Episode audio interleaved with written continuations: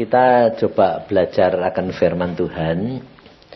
Coba kita lihat di dalam bilangan fatsal yang ke-14. Bilangan 14 mulai ayat yang ke-39. Setelah Musa menyampaikan perkataan ini kepada semua orang Israel, maka berkabunglah bangsa itu dengan sangat dan keesokan harinya bangunlah mereka pagi-pagi hendak naik ke puncak gunung sambil berkata, sekarang kita hendak maju ke negeri yang difirmankan Tuhan itu. Memang kita telah berbuat dosa. Tetapi kata Musa, mengapakah kamu hendak melanggar titah Tuhan? Hal itu tidak akan berhasil. Janganlah maju Sebab Tuhan tidak ada di tengah-tengahmu supaya jangan kamu dikalahkan oleh musuhmu. Sebab orang Amalek dan orang Kanaan ada di sana di depanmu dan kamu akan tewas oleh pedang. Dari sebab kamu berbalik membelakangi Tuhan. Maka Tuhan tidak akan menyertai kamu. Meskipun demikian, mereka nekat naik ke puncak gunung itu tetapi tabut perjanjian Tuhan dan Musa juga tidaklah meninggalkan tempat perkemahan. Lalu turunlah orang Amalek dan orang Kanaan yang mendiami pegunungan itu dan menyerang mereka. Kemudian orang-orang itu mencerai beraikan mereka sampai ke Horma. Nah, saudara, peristiwa yang melanda orang-orang Israel ini kita pelajari. Karena gini kerap kali apa yang dialami oleh orang Israel keluar dari Mesir ke Kanaan itu adalah pelajaran yang akan dialami oleh setiap anak-anak Tuhan orang Israel rohani. Tidak bisa lepas? Kenapa? karena itu pengalaman nyata hidup dengan Tuhan Bangsa Israel itu kan dipimpin Tuhan dengan tiang awan, tiang api dah. Siang tiang awan, malamnya tiang api. Nah, kamu dipimpin Tuhan dengan apa? Firman Alkitab. Alkitabmu ini kan malah siang siang malam toh. Nah, ini ini firman ini Tuhan itu nyata berjalan seperti uh, orang Israel itu pada siang hari dia lihat tiang awan, malam tiang api, ya dah. Nah, saudara dengan Alkitab ini, firman ini yang menyertai kamu siang malam, betul tak? Nah, tetapi kelemahan orang Israel apa? Justru karena tiap hari itu sudah lihat, lama-lama jadi biasa. biasa. Sama dengan kamu Ujang baca firman, lama-lama jadi biasa, tidak ada kuasanya lagi. Dulunya pertama kali kan terkagum-kagum lihat tiang awan. Terus kalau siang panas dia naungi dingin, ya kan? Kalau malam gelap gulita tiang api loh. Uh, hari satu dua hari kira-kira kagumnya berapa? Eh? Lama-lama makin kagum atau makin biasa. Eh? Nah, kamu pertama kali bertobat baca firman ngalami firman kagum-kagum tuh. Bukan luar biasa ya. Tapi lama-lama biasa. biasa. Ini berbahayanya di situ kita tidak sadar. Justru sebetulnya tuh kamu setelah kamu bertobat membaca firman lebih lama harusnya lebih kagum. Ngerti tidak tapi kenyataannya tidak. Malah lama lama biasa. Nah itu tanda bahwa kamu mengalami kemerosotan iman. Dan orang tidak menyadari hal itu. Karena apa? Justru karena kamu mulai baca, mulai ngerti, mulai ngerti, mulai ngerti, pikiranmu jalan. Bukan rohmu yang tambah gede, pikirannya tambah gede. Karena kepinteran. mulai diolah, diolah, diolah, diolah, olah sehingga firmannya kamu bukan berjalan dengan iman tapi dengan pengertian. Nah, ini yang berbahaya. Dan ini terjadi semua anak Tuhan. Makanya Tuhan Yesus ngomong gini, apakah nanti kalau anak manusia itu datang, dia mendapati berarti banyak imannya gugur enggak? Hah? Lu kok malah gugur? Kenapa? Ya masalahnya itu. Baca firman, ngerti, malah banyak pertimbangan, tapi bukan dengan iman. Kamu kalau pertama kali bertobat, ngerti firman enggak? Enggak ngerti dong. Cuma percaya. Tapi melihat mujizat. Percaya jadi, percaya jadi. Wah kok enak ya. Nah, lama-lama ngerti firman, mosok begitu. Nah, sudah mulai tanya. Ya dah? Wes sudah di samping itu mulai tanya, terus ngomong lagi. Ya dek Tuhan.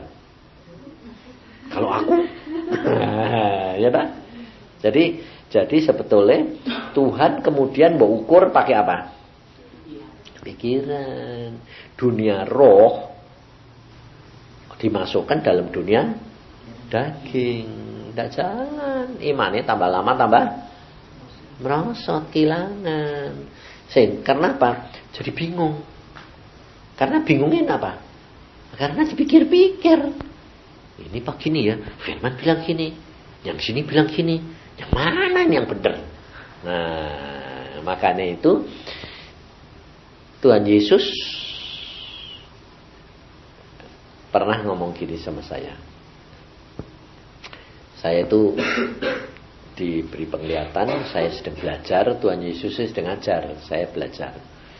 Tuhan nulis satu baris gitu, saya bilang, apa sih maksudnya apa itu? Aku bilang, Tuhan, maksudnya apa itu? Tuhan cuma nengok gini. Tapi aku tahu maksudnya diem. Hmm, pelajaran belum selesai kok sudah ngomong anu sudah ngerti semua aja belum kok sudah tanya. Aku bilang Tuhan. Dua baris tambah gak ngerti. Itu apa? Maksudnya apa? Yang satu apa dua? Lah udah satu dua aja gak ngerti. Tuhan bilang diem. Terus saya itu orangnya nakali luar biasa. Kalau saya malah di diomongi suruh gitu malah tak tinggal. Jadi saya keluar kelas jalan-jalan sambil ngomel. Ditanyai, tidak nerangin malah marah. Ya wis keluar. Nah. Lalu kalau saya keluar gitu itu Tuhannya diem atau Tuhannya biarin atau Tuhannya malah jangan keluar gitu ndak. Diem Tuhannya rasain lu. Saya keluar, saya keluar jalan-jalan, dah tidak mau. Kemudian saya lihat di ruangan lain, di ruangan kelas lain, saya tapi dijaga malaikat. Loh, ruangannya kok bagus sih kayak gitu. Terus ada beberapa orang yang nakali sama dengan saya. Jadi semua keluar. Berapa itu? Terus sambil kita ya sambil ngelongok-ngelongok semua dua-dua, tiga, empat orang itu. Wah ya. Terus orang ada orang anak-anak itu mau masuk sama malaikat dilarang. Tidak boleh. Lulus dulu di sana baru boleh masuk kelas ini. Saya lihat gitu saya malah sengaja nakali luar biasa. Nyelonong. Biarin. Dilarang biarin. Dilarang nyelonong tak ditusuk. Dia pakai tombak loh. Ditusuk mati. Paling-paling mati. Biarin. Ah, Tuhan ini tak ajak ngomong dia tanyain tidak mau jawab. Eh, malah saya nyelonong boleh. Kok aneh? Malaikatnya malah anu tombaknya malah dibuka. Saya. Loh, kok boleh? Lalu diprotes sama teman-teman. Dia bilang, mengapa dia boleh, kami tidak? Malaikatnya ngomong, saya dengar dewek. Khusus untuk orang ini, Tuhan perintah untuk dia boleh. Yang lain itu tidak. Oh, saya nyonong aja masa bodoh. Kamu tidak boleh, aku boleh kok. Tapi setelah saya lihat di dalam itu, loh kok enak kayak gini. Ada suara. Makanya balik sekolah lagi, lulus dulu, baru kamu masuk sini. Oh ya gitu balik. Karena apa? Oh ada syaratnya harus lulus itu baru masuk. Ya wes aku balik. Lalu aku bilang, kenapa aku boleh? Nah, karena Tuhan bilang, karena Tuhan kan yang tahu hatimu. Kue itu kalau sudah lihat gitu, kamu mau bayar harga nih. Nah, yang lain itu udah mau masuk tapi tidak mau keluar, tidak boleh. Wong Tuhan mau tahu. Saya masuk kelas, masuk kelas sih Tuhannya mesem aja. Mesem masuk sekolah. Diam. Setelah saya diam, dia nulis semua. Ternyata setelah saya baca, anu baca semuanya, itu ternyata saya jadi tahu. Setelah semuanya di tulis sama Tuhan Yesus dan dibaca. Oh, ternyata itu terangannya di sini, sini terangannya di situ. Oh, jadi tidak usah tanya. Nah, Tuhan manggut-manggut begini, ngerti gue? Kenapa aku suruh diam? Kamu tuh baru baca sedikit sudah tanya, tanya, tanya. Nah, ini sebetulnya terjadi pada diri kamu enggak? Hmm? Ya. Eh, makanya itu kebanyakan tanya. Malah tidak ngerti apa-apa. Nah, jadi kalau kalau kamu ikut sama Tuhan, hidup dengan Tuhan itu, jalani aja hari demi hari. Tidak usah terlalu banyak tanya. Wong kamu belum ngerti. Kamu tanya dijawab ya tidak ngerti. Tidak ngerti malah bingung. Kalau sudah bingung ngambek. Ngomel lagi. Lah ya? Yang penting itu cuma wes lah baca Alkitab, ngerti tidak ngerti baca aja lah. Wong Alkitab sudah ngomong, Tuhan menetapkan langkah-langkah orang yang hidupnya berkenan. Berkenan bagaimana? Kayak Maria duduk diem Jangan ribut kayak Marta. Tapi jangan kira loh, Marta itu salah loh. Semua kepengennya jadi Maria atau jadi Marta?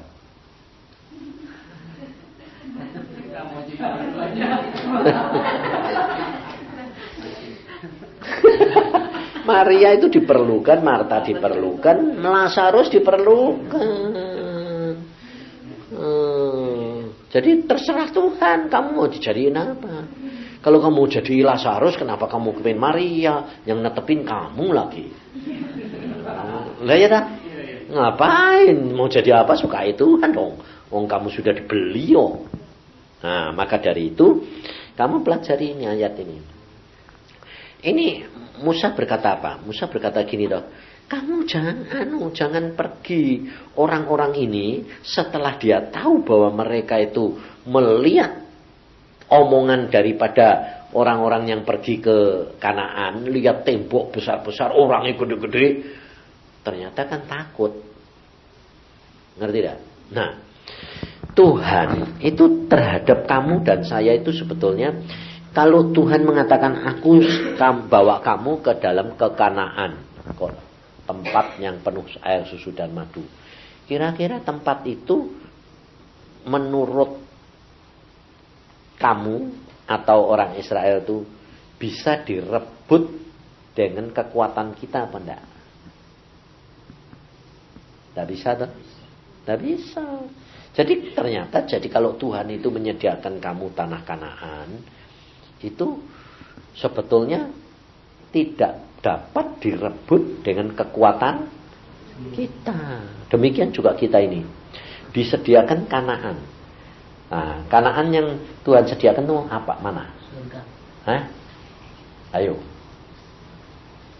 Ayo. Hah? Surga. Loh, surga apa enggak? Hah? Surga. Surga. Loh, pokoknya pengertianmu sekarang di mana? Surga apa enggak? Surga. Terus tak tanyai, kamu nanti tinggal di surga. Hah? Kamu nanti tinggal di surga enggak? Iya. ya, kok enak. Loh, kamu ini sudah baca Alkitab apa belum? Sudah habis apa belum? Sudah. Nah, Ayo coba ayo dilihat. di apa? Wahyu. Wahyu pasal 21. Coba coba coba dilihat.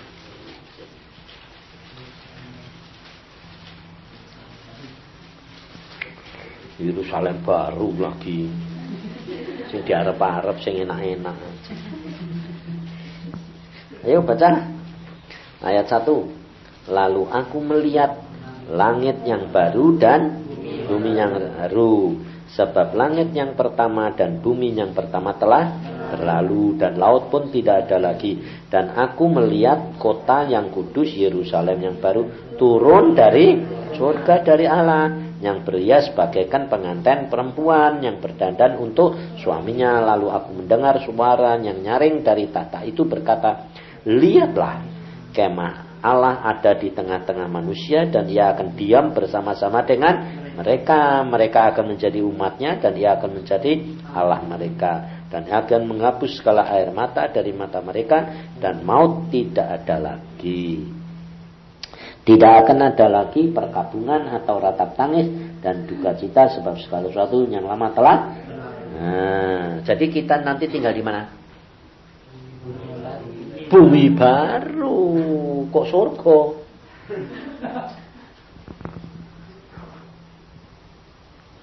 Loh, bumi baru di surga enggak? Eh? Ayo. Enggak. Oh, kamu baca tadi baca enggak? Bumi baru nanti Yerusalem baru turun dari surga. Nah, Yerusalem turun dari surga pergi ke mana? Ke bumi, bumi baru. Bumi ini atau bumi baru? Baru ini nanti lenyap. Jadi kamu nanti tinggal di mana? Bumi baru. Kok surga? Enak. Ngerti nggak? Di bumi baru nanti. Lah, bumi baru itu nanti suasananya kayak Firdaus pertama kali yang dibuat Tuhan. Karena memang asalnya Firdaus. Ngerti tidak? Verdos itu pada waktu dibuatan Tuhan membuat Verdos kan di bumi, ya kan? Kemudian pada waktu Adam dan Hawa itu jatuh dalam dosa, manusia diusir. Terus di Verdos itu kan dijaga sama kerup, lalu pedang nyala-nyala. Jadi manusia tidak sampai soto. Nah, di Verdos itu ada pohon itu tetap ada enggak? Pohon kehidupan sama pohon Nah, pengetahuan. Nah, waktu setelah manusia diusir, nah, Ferdosnya ini sekarang di mana? Nah, diambil sekarang di di di, di Firdos. Nah, Firdos itu di surga sekarang, di surga tingkat tiga. Nah, nanti itu dunia ini dihancurkan, itu diturunin lagi sama Tuhan. Jadi bumi baru. Itu. Nah, kamu tinggalnya nanti di bumi baru. Nah, nanti terus Yerusalem baru turun dari surga. Karena Yerusalem baru itu tempat kota dan tahtanya Tuhan Yesus. Jadi ya, surganya tetap ada enggak? Tetap tempatnya siapa? Hah? Ayo. Bapak. Bapaknya tetap di sana. Karena bapaknya tetap di sana, Tuhan Yesusnya turun loh. Karena Tuhan Yesus yang pernah jadi manusia. Nah, nanti tinggal bersama dengan kita pakai tubuh baru. Lah, alai pakai tubuh apa? Tubuh lama. Dia gak punya tubuh. Roh. Bapaknya tetap roh, gak punya tubuh tubuh baru, tubuh lama ya gue. Jadi bapaknya tetap di surga, Tuhan Yesus yang tinggal bersama dengan kita. Ngerti tidak? Nah, tapi kalau kamu ngerti begini, jangan nyalain orang. Kalau bilang, kamu nanti tinggal di mana? Surga, betul. Sementara ini di Firdaus toh. Tapi nanti Firdaus itu diturunkan Tuhan jadi bumi baru. Nah, gitu. Ngerti? Urutannya sudah ngerti? Nah, lalu lalu jangan bilang nanti orang yang baru ngerti sedikit bilang, oh tidak, nah, nanti gegeran, nanti perang firman, nggak usah, nggak usah. Kalau dia bilang surga, ya sudah biar, wong ya bener, bener sekarang, tapi nanti salah. Tidak. Nah itu nama perlunya belajar firman itu di situ, gitulah. Sekarang orang-orang Israel ini dia waktu menghadapi kenyataan dia takut toh. Lalu dia menyebarkan berita bahwa sana itu orangnya makan orang, bentengnya besar-besar. Orang-orang takut. Akhirnya setelah dia takut, dia marah sama Musa. Tuhannya marah.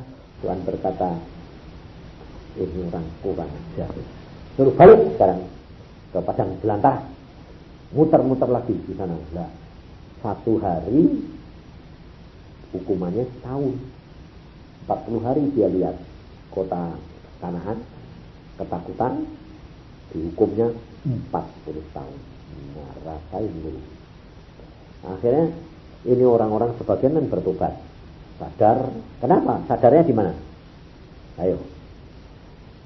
Pada waktu orang-orang yang pergi semua ini dibunuh sama Tuhan. Yang tidak cuma Yusa sama Kaleb. Tapi orang-orang yang yang yang pergi semua itu mati dibunuh sama Tuhan. Tuhan itu jenderal bunuh semua. Nah, setelah itu kan dia sadar, waduh salah ya kita. Makanya dia tadi kan ngomong, wah kita sudah berdosa. Nah, bertobat toh, ini bertobat penyesal. Ayo,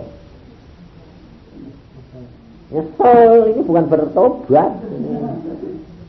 Nah, dia nyesel, akhirnya dia mengangkat senjata mau maju perang. Musa bilang, kamu jangan, nah, jangan maju. Karena apa? Kalau kamu maju nanti kamu mati malahan kalah. Tetapi Tuhan tidak menyertai kamu. Nah, ini pelajaran yang bagus buat kita. Kita kerap kali kalau sudah tahu salah, kita bukan bertobat tapi nyesel. Nah, lalu kalau sudah nyesel biasanya nekat mau nebus itu kesalahan lagi. Akhirnya mereka pergi sendiri perang kalah mati lagi kocar kacir. Nah, di situ kita belajar. Kalau kamu itu percaya sama Tuhan, kamu harus pakai iman. Bukan pakai pikiran. Kalau kamu pakai iman itu ada rasa takut akan Tuhan. Nah, kapan imanmu itu masuk ke dalam satu takut akan Tuhan?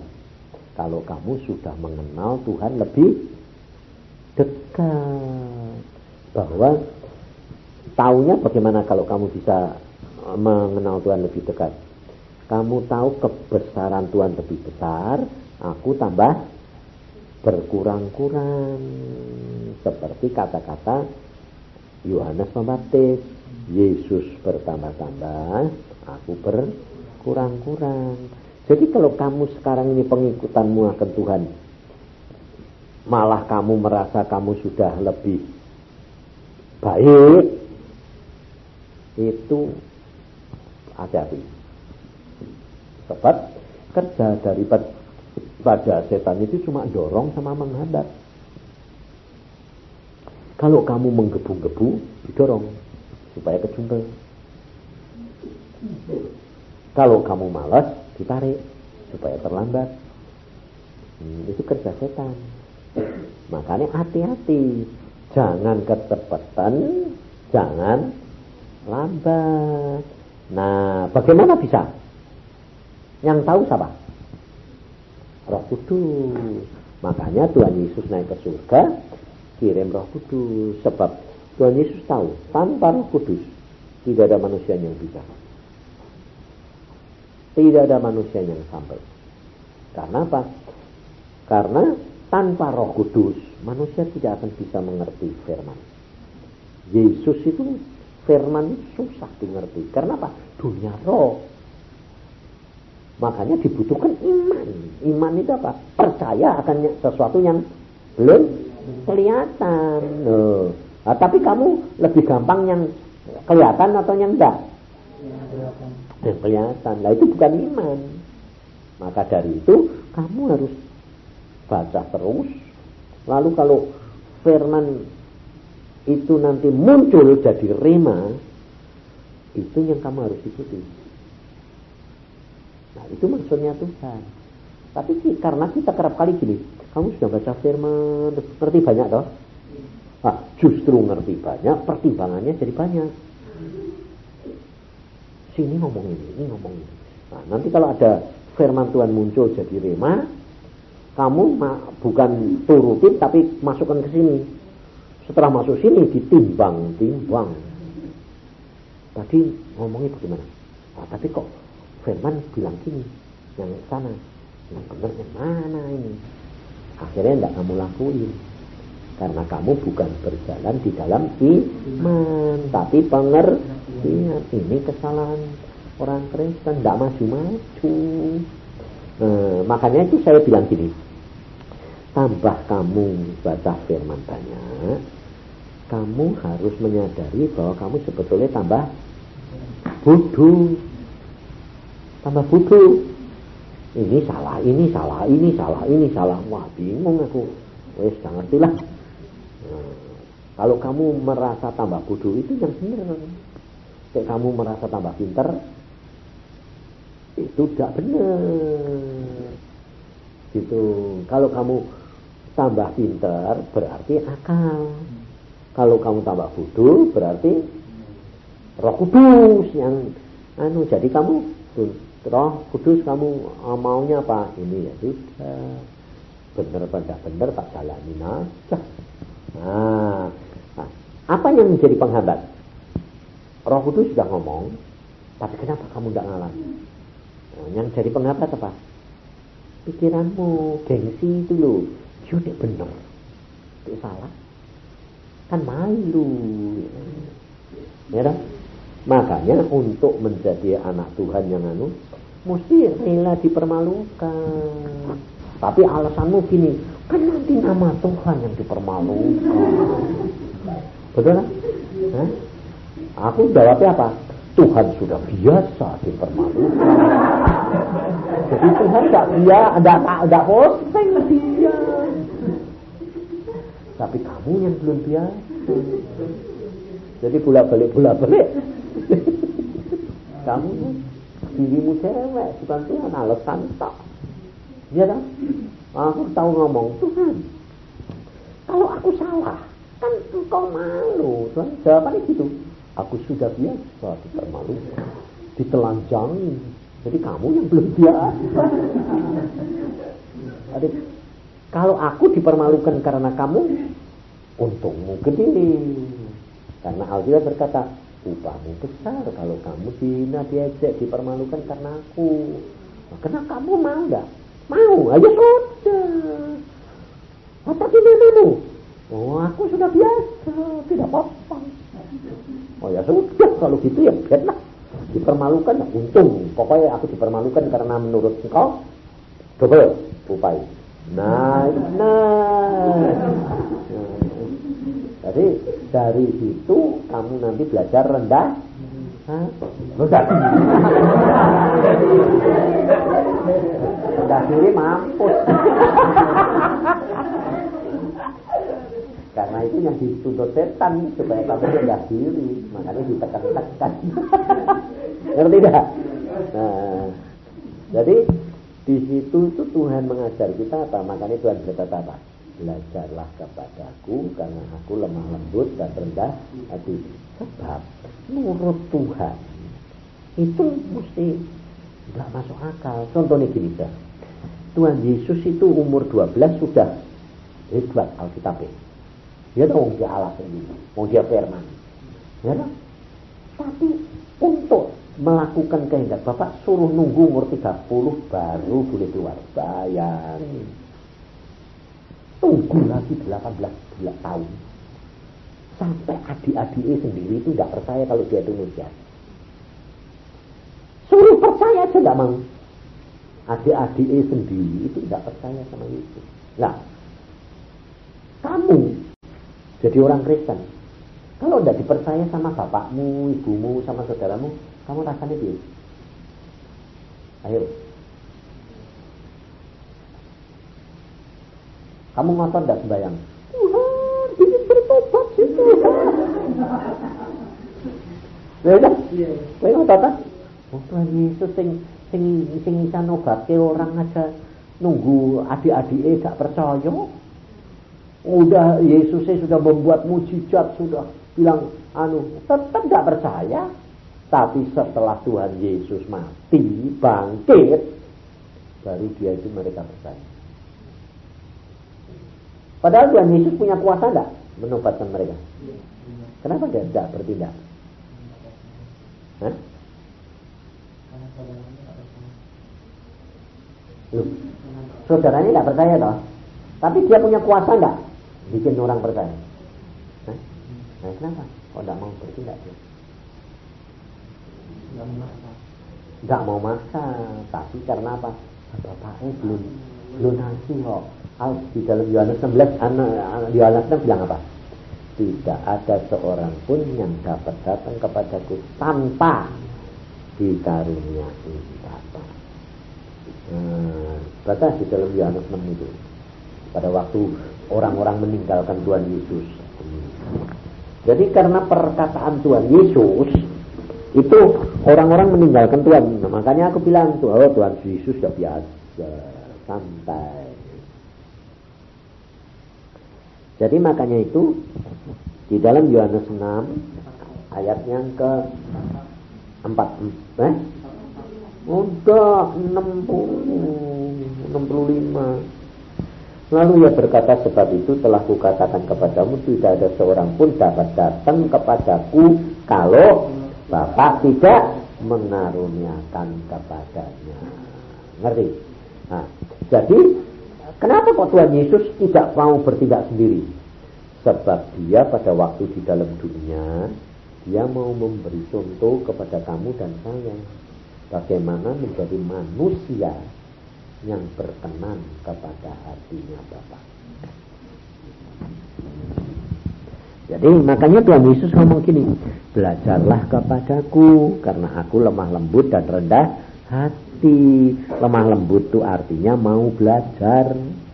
Rendah hati itu semua tergantung Bapak, bukan kamu yang netapin. Nah, ini yang paling susah. Hmm. Makanya coba kamu dikasih kuasa sama Tuhan Yesus. Bapakmu, ibumu, saudara mbok suruh bok, langsung mbok suruh tobat dah. Langsung dah. Wong tidak dikasih kuasa aja kamu kerap kali gunain. No. Dalam nama Tuhan Yesus, bertobatlah kamu. Betul ya? Jadi kasih kuasa aja malah ngotot-ngotot mendak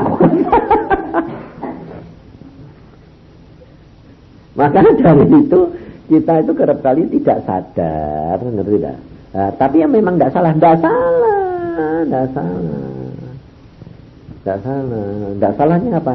Tidak ngerti yo, belum ngerti. Nah, makanya itu yang penting, sebetulnya yang utama itu tugas kamu itu cuma apa? Baca saja Alkitab, berdoa, terus belajar mengenal akan pimpinan Roh Kudus. Itu yang utama. Karena dengan pimpinan Roh Kudus kamu peka, kamu tinggal punya iman jalan aja. Hmm. Nah, kamu kerap kali tanya, lah kalau salah pak, Loh, salah ya biar ada keblosok pak, sampai bonyok, ya ya justru bonyok itu untung karena apa? Melihat kemuliaan. Tanpa penderitaan tidak ada kemuliaan. Tanpa kegagalan tidak akan belajar. Nah kalau sampai mati pak, ya masuk surga. Lah ya pak? Lah ya pak? Kalau tidak dibangkit ke, ya mati. Nah mati kan rugi pak loh. Kok rugi? Oh, mati untung. masuk surga. Ya ngapain pusing-pusing? Gitu Nah, iya makanya. Nah, kalau gitu tidak usah takut toh. Nah, tapi ternyata kamu masih Karena apa? Banyak pertimbangan. Itu masalahnya. Jadi kalau diurut-urut-urut, urut-urut itu sebetulnya hidup dengan Kristen, Kristus itu enak enggak? Hah? Memang dia bilang enggak, enggak ukuran dia. Harus ngerti ya. Belum ngalami ya. Tapi kalau kamu sudah ngalami baru kamu bilang, wah luar biasa. Sebabnya apa? Penderitaan yang kamu bayar di dunia itu murah dibandingkan dengan kemuliaan yang kamu terima. Hmm, karena Tuhan Yesus ngomong apa di dalam Yohanes 16? Di dalam dunia kamu menderita, tetapi percayalah bahwa aku sudah mengalahkan dunia. Terus, kenapa sih Tuhan? Kok di dalam dunia kita menderita? Tuhan berkata, karena pengadilan itu dimulai dari dalam rumah Tuhan. Nah, jadi, lu kenapa kok kita malah diadilin dulu? Ayo, enak diadili dulu atau enak diadili nanti? Nah? Dulu bang. Kenapa enak? Kamu kalau diadilin dulu, dihukumnya di dalam dunia. Di dalam di dalam dunia hukumannya paling-paling kan 100 tahun. Lah ya umurmu paling paling panjang 100 tahun lah ya jadi tiap kali dihukum tiap kali dihukum. Bertobat dihukum lagi salah lagi. Loh kamu ini sampai sampai mau mati tetap berbuat dosa toh. Iya kan nah berbuat dosa ditegur terus dituntut setan Tuhan ini adil jatuh hukuman dihukum lagi Tuhan wong urip kok hidup kok Jatuh bangun, jatuh bangun. Lu malah untung. Hah? Untung Tuhan. Tidak bisa, tidak jatuh. Ada. Kan Tuhan sudah ngomong. Tuhan menetapkan langkah-langkah orang. Kalau jatuh tidak geletak. Jadi mesti jatuh. Jatuh. Wong kuwi di dunia. Iya tak? Nah, tadi Invi ngomong gini. Bagaimana Pak kekudusan Pak? Kadang-kadang nafsu bisa timbul. Oh normal. Kalau kue tidak tidak tidak nafsumu tidak timbul, tidak normal.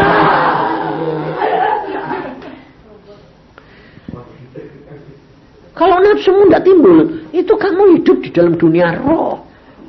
Itu tidak normal. Jadi kamu bukan daging. Kalau selama kamu hidup di dalam daging, selama hidup ada nafsu. Normal. Iya tak? Loh tapi hidup kudus. Loh kudus jadi tidak punya nafsu. Oh itu malah tidak normal. Karena kalau kamu punya nafsu, kamu bisa ngatasi, ada jalan keluar, itu kemenangan. Kalau kamu tidak punya nafsu, tidak normal. Ya tak? Tidak normal. Coba laki-laki tidak punya nafsu. Jadi apa?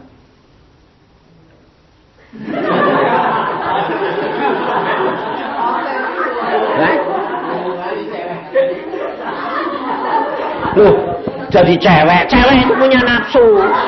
Masa cewek tanyai cewek tidak punya nafsu? Oh,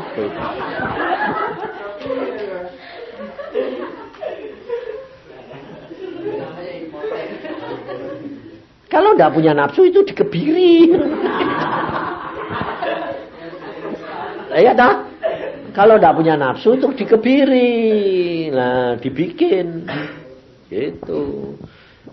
Nah, jadi makanya itu jadi kenapa Tuhan berkata di dalam dunia kamu itu menderita. Yang kamu derita apa?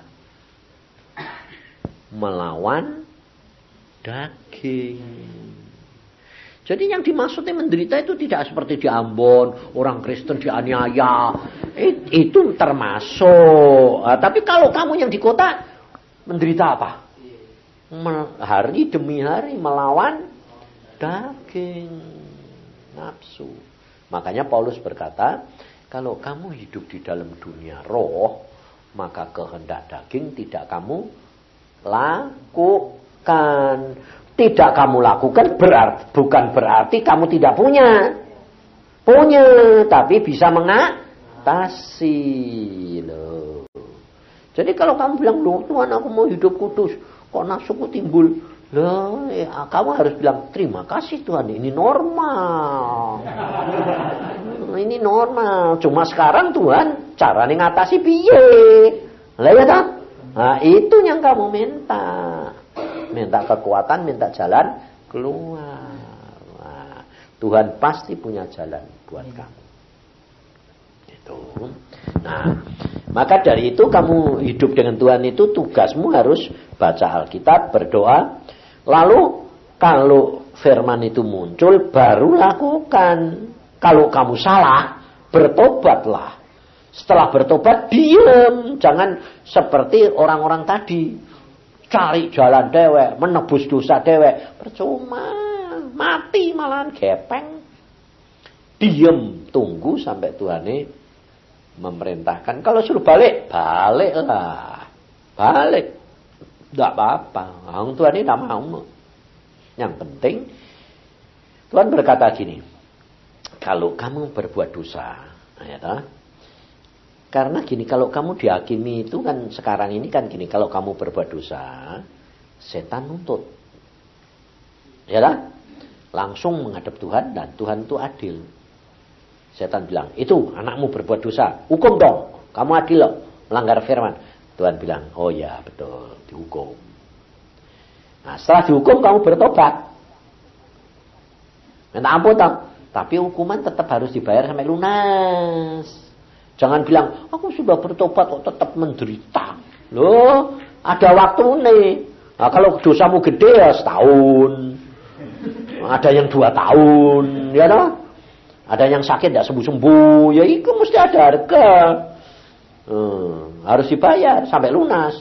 Nah, selama kamu bayar, kalau kamu itu perbuatanmu baik, tidak ngomel, tidak gerutu, tidak nyalain Tuhan, dapat remisi. Jadi nggak nih setahun jadi setengah tahun. Baik lagi, kurang lagi kan lumayan. Tapi kalau kamu tidak baik ngomel tambahi malah. Ngerti? Nah, bagaimana caranya supaya kamu tidak dihukum dalam dunia? Ada caranya. Ayo, bagaimana caranya? Hakimi dirimu sendiri supaya tidak usah dihakimi oleh Yesus. Nah, ngerti?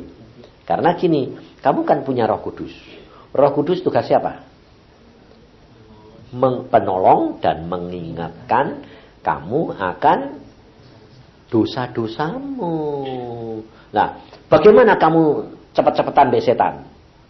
Ya dong. Tapi kamu kalah cepat be setan, dituntut hukumannya datang Yesus mengadili. Lah ini cepet-cepetan. Makanya Yesus kasih roh kudus itu supaya kamu menang. Karena dia lebih pinter. Ya dah setan pinter tapi dia lebih pinter. Pokoknya tak tak kalah nah Tuhan ngajar ini gini.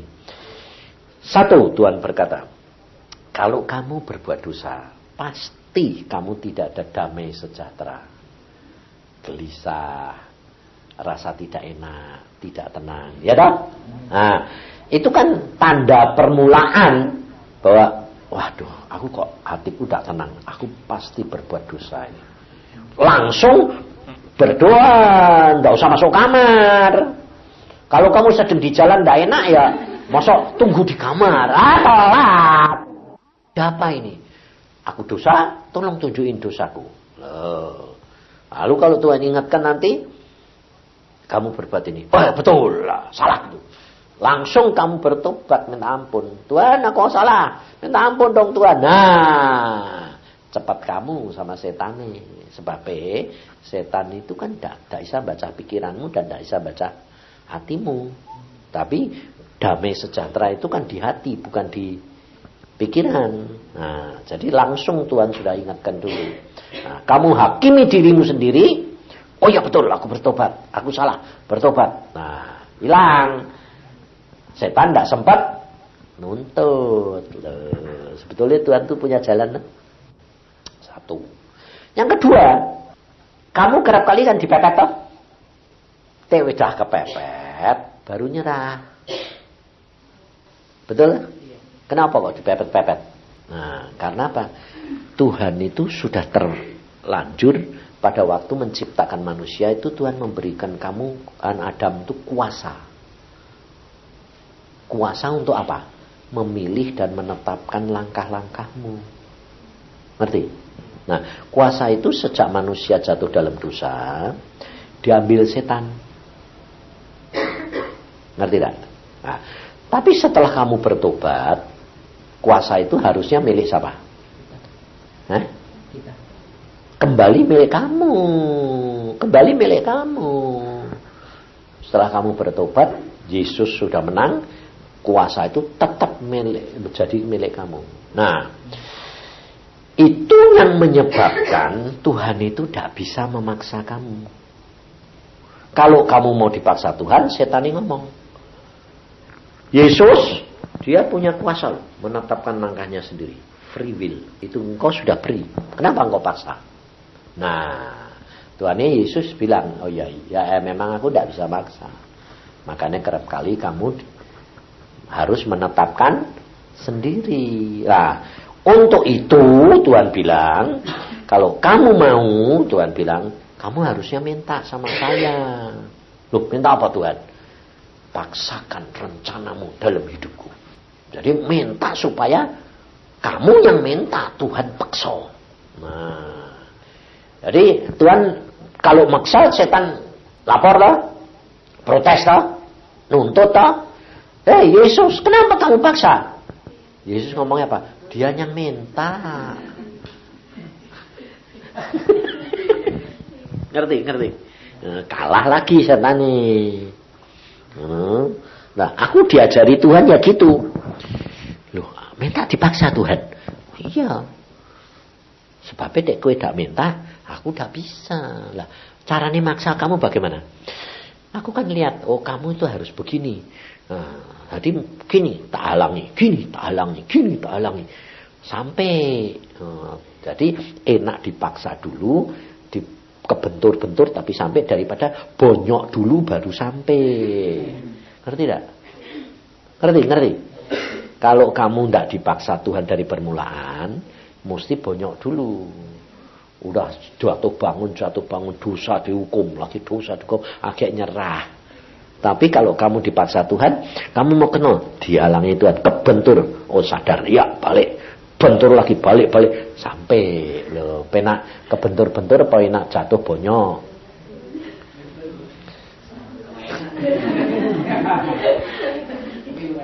Loh, sama-sama ndak enaknya, ngerti ndak? Tapi lebih ndak enak bonyok dulu di dihukum dulu.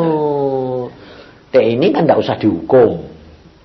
Ya kebentur-bentur tapi tidak dihukum loh. Karena Tuhan sudah bilang gini, engkau tidak akan dicobai lebih dari kekuatanmu pada waktunya diberikan jalan keluar.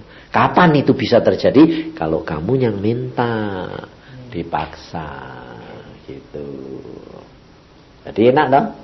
Loh, sebetulnya penak dah. Rilek aja. Jadi apa yang kamu hadapi langsung konsultasi sama Roh Kudus. Roh Kudus aku kok ngalami gini gini gini. Ini kok timbul aneh sih Tuhan. Pikiran jelek, pikiran cabul, pikiran jelek ini ini ini dari mana? Loh, itu bawaan. Karena kamu dilahirkan dalam dosa. Itu pikirannya setan, tapi sudah jadi pikiranmu. Ya lapor aja minta tolong sama dia. Makanya mau berbuat dosa sekalipun sembahyang. Tapi kamu tidak pernah sembahyang loh, mau berbuat dosa. Mau berbuat dosa tidak sembahyang kenapa? Hah? Karena kamu sudah tahu itu dosa. Ya dah, ngapain ngelapor? Wong malah si dosa ini disimpan-simpan. Salah. Justru kamu tahu mau berbuat dosa. Contohnya gini. Aku kok punya pikiran cabul ini piye toh. Tuhan, Tuhan aku kok kepingin nakal ini ini piye. Nah, lapor. Tuhan, Tuhan, aku tahu ini dosa. Tapi aku kepingin. Eh tolong dong Tuhan. Tidak ya aku mesti dosa loh. Tidak dosa ya salahmu loh. Aku njaluk tolong ora tolong. Loh, betul enggak? Eh? Kelihatannya kurang ajar, tapi itu betul. Karena apa? Karena kamu menyadari bahwa itu tidak baik.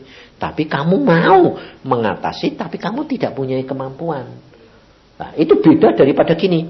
Ah, itu dosa, sudah jangan. Jangan berbuat dosa, jangan berbuat dosa. Akhirnya berbuat dosa. Kenyataannya gitu tak? Ayo. Contohnya gini. Nafsumu timbul. Aduh, tidak mau berbuat. Tebuk rem, rem, rem, rem. Akhirnya onani. Masturbasi ya pada itu. Dosa toh. Lah beda kayak gini.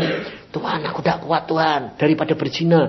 Tidak boleh ya aku onani. Aku anu tolong tidak boleh ya tolong dong Tuhan. Tapi tidak mau tolong nih aku aku berbuat orang salah loh harus kepepet toh nah beda tuh Tuhan bisa nolongi. Mungkin kamu mau berbuat pas ada orang nyari kamu. Lah, rasih itu ya. Loh, betul? Lah iya tak? Kamu mau berbuat diketok orang, blok blok blok blok. Lah ra sida to ya. Lah jadi to ya. Nah, itu jalan keluar. Ngerti enggak? Tapi kalau kamu diam mau tak awasi dewek, mbok tentang dewek, gak bakal bisa. Sebab kamu tidak akan bisa berbuah mengatasi kelemahanmu tanpa Yesus. Ngerti tidak? Makanya itu tak ajari. Berbuat dosa sekalipun ngomong sama Tuhan. Doa dong. Nah, karena Tuhan nanti buka jalan. Pasti. Yang dia bilang. Roh Kudus penolong. Yesus yang punya jalan. Jalan keluar. Makanya Paulus berkata. Di dalam Yesus. Aku sanggup melakukan segala perkara. Ya dah?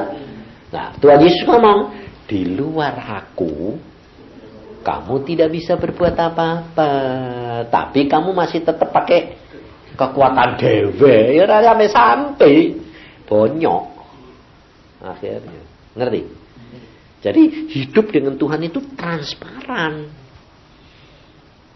pokoknya tidak bisa kamu memakai kekuatan sendiri tapi adalah pakai iman karena Alkitab bilang baca di dalam uh, Yesaya 26 ayat 12. Ya Tuhan, Engkau akan menyediakan damai sejahtera bagi kami, sebab segala sesuatu yang kami kerjakan, Engkau yang melakukannya bagi kami. Ayo, lucu dah. Sebab apa yang aku kerjakan, kamu yang melakukan. Ayo lucu dah. Lucu dah. Masih mau kesak apa? Ayo. Ayo, lucu enggak? Apa yang kamu kerjakan itu apa? Coba. Apa coba? Ah, yang kamu kerjakan itu coba baca di dalam Yohanes 6. Tugasmu itu cuma mengerjakan pekerjaan Tuhan. Lah pekerjaan Tuhan itu apa? Pekerjaan yang dikehendaki Tuhan, bukan pekerjaan Tuhan. Pekerjaan Tuhan sama pekerjaan yang dikehendaki Tuhan itu beda loh. Kalau pekerjaan Tuhan itu adalah umum. Kamu bisa milih dewek. Pergi gereja, pelayanan, apa-apa-apa itu pekerjaan. Tapi pekerjaan yang dikehendaki Tuhan, kamu ditetapkan. Kamu dagang, kamu menginjil, kamu MC. Hmm, itu pekerjaan yang dikehendaki Tuhan. Spesifik. Setiap orang beda. Tapi kalau kamu mengerjakan pekerjaan Tuhan, semua orang sama. Ngerti, ngerti? Maksudnya ngerti? Nah, wes. Ini Yohanes 6 ayat 28 29 baca. Lalu kata mereka kepadanya, apakah yang harus kami berbuat supaya kami mengerjakan pekerjaan yang dikehendaki Allah?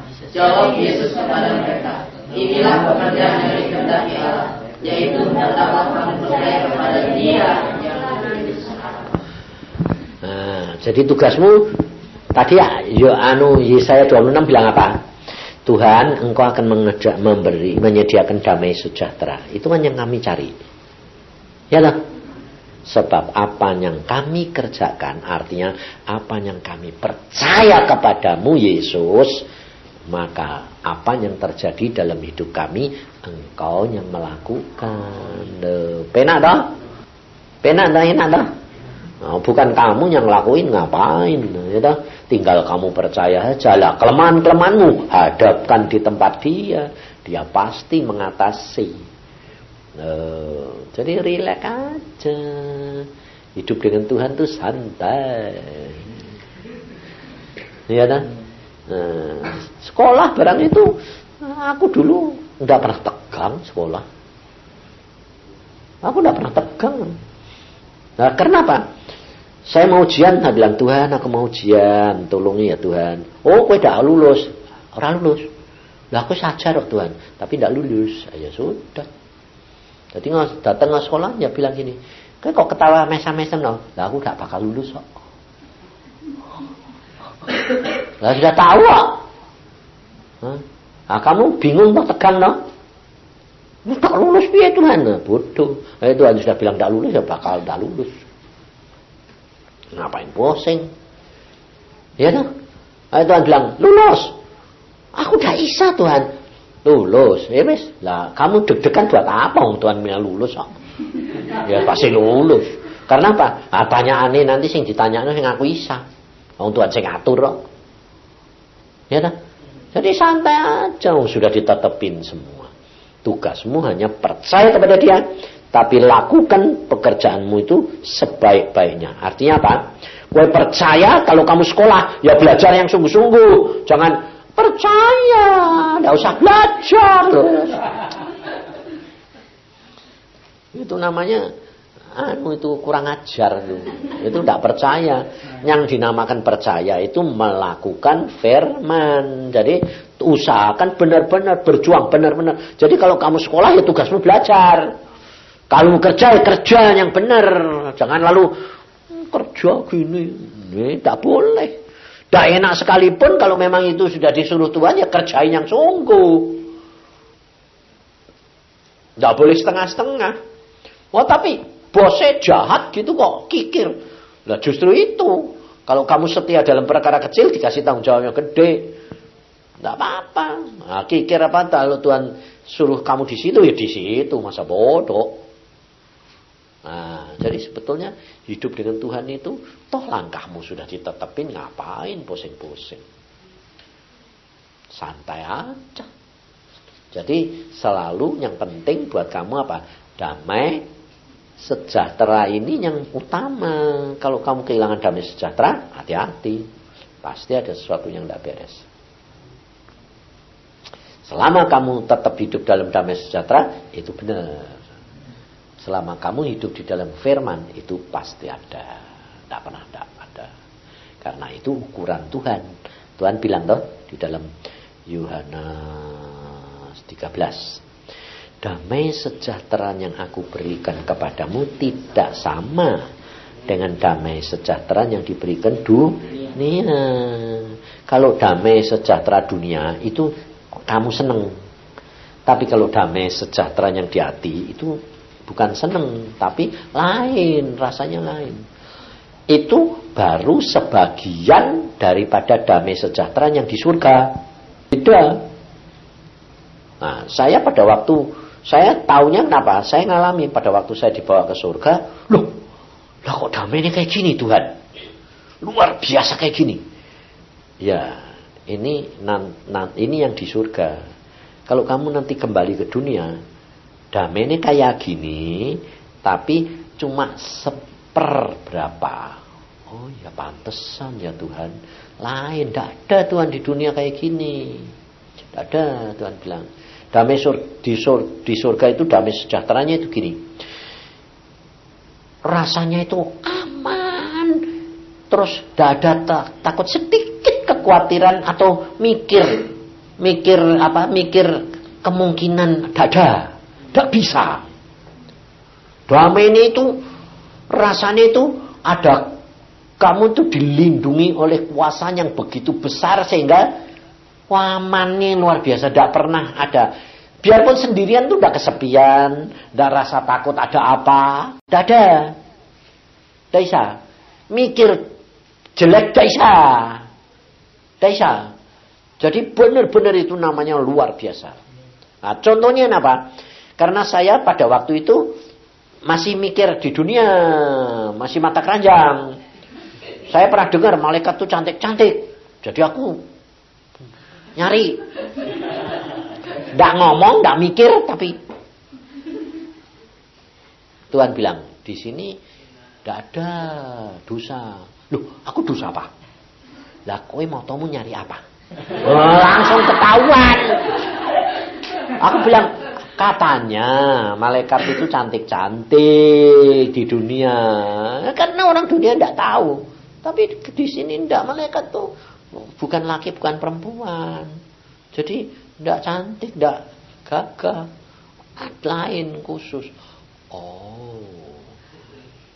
Di sini tidak ada dosa loh. Mikir anu malaikat cantik-cantik dosa.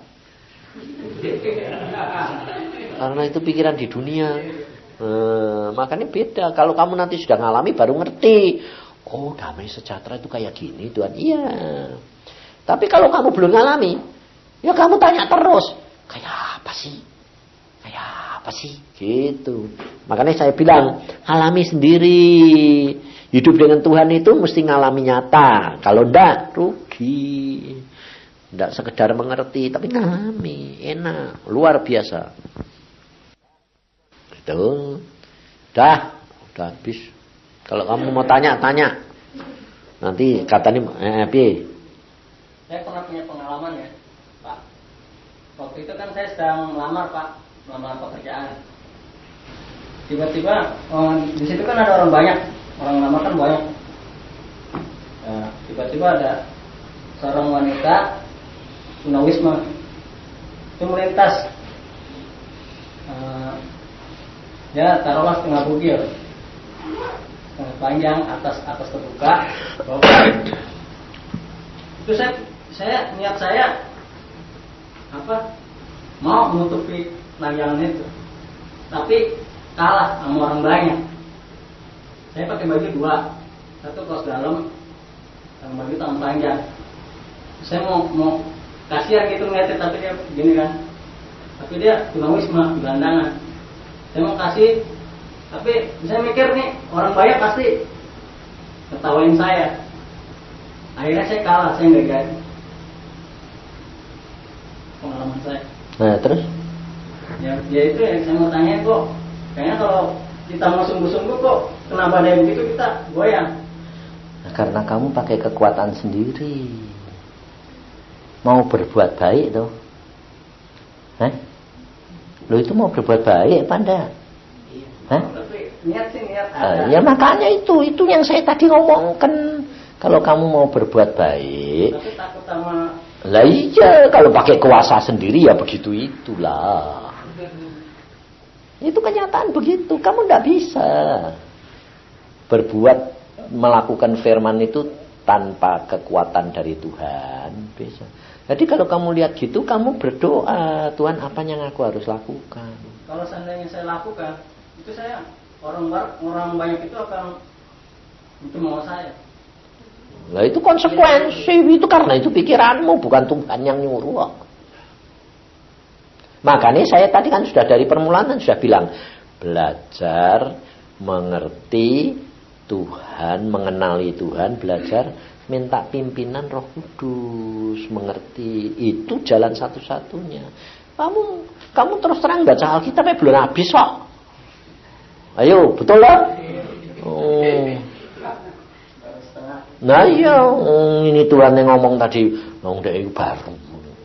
Tapi oh, kalau misalkan tiba-tiba itu memang dari kasih gitu, ya. tapi kita nggak berdoa atau apa, tiba-tiba memang kasih, tiba-tiba refleks, mungkin kita sampai nggak loh, kita yang telanjang gantian gitu. Itu bisa terjadi. Ya? Bisa, makanya itu itu namanya dorongan roh. Beda lagi. Tanpa mempedulikan orang lain, mesti berani dicemooh, berani malu dipermalukan. Kalau kamu kalau kamu pakai pikiran pasti kalah. Ya memang berat. Makanya saya tadi kan bilang, nah, menderita, menderita itu berat. Tapi jangan kamu ukur pakai pikiran. Kalau kamu pakai pikiran, tidak bakal jalan. Wong saya sendiri terus terang bilang, kok kenapa sih Tuhan, kok aku bisa? Nah, karena kamu tidak kamu pikir-pikir, kamu bisa. Kalau kamu mikir, tidak mungkin, tidak mampu.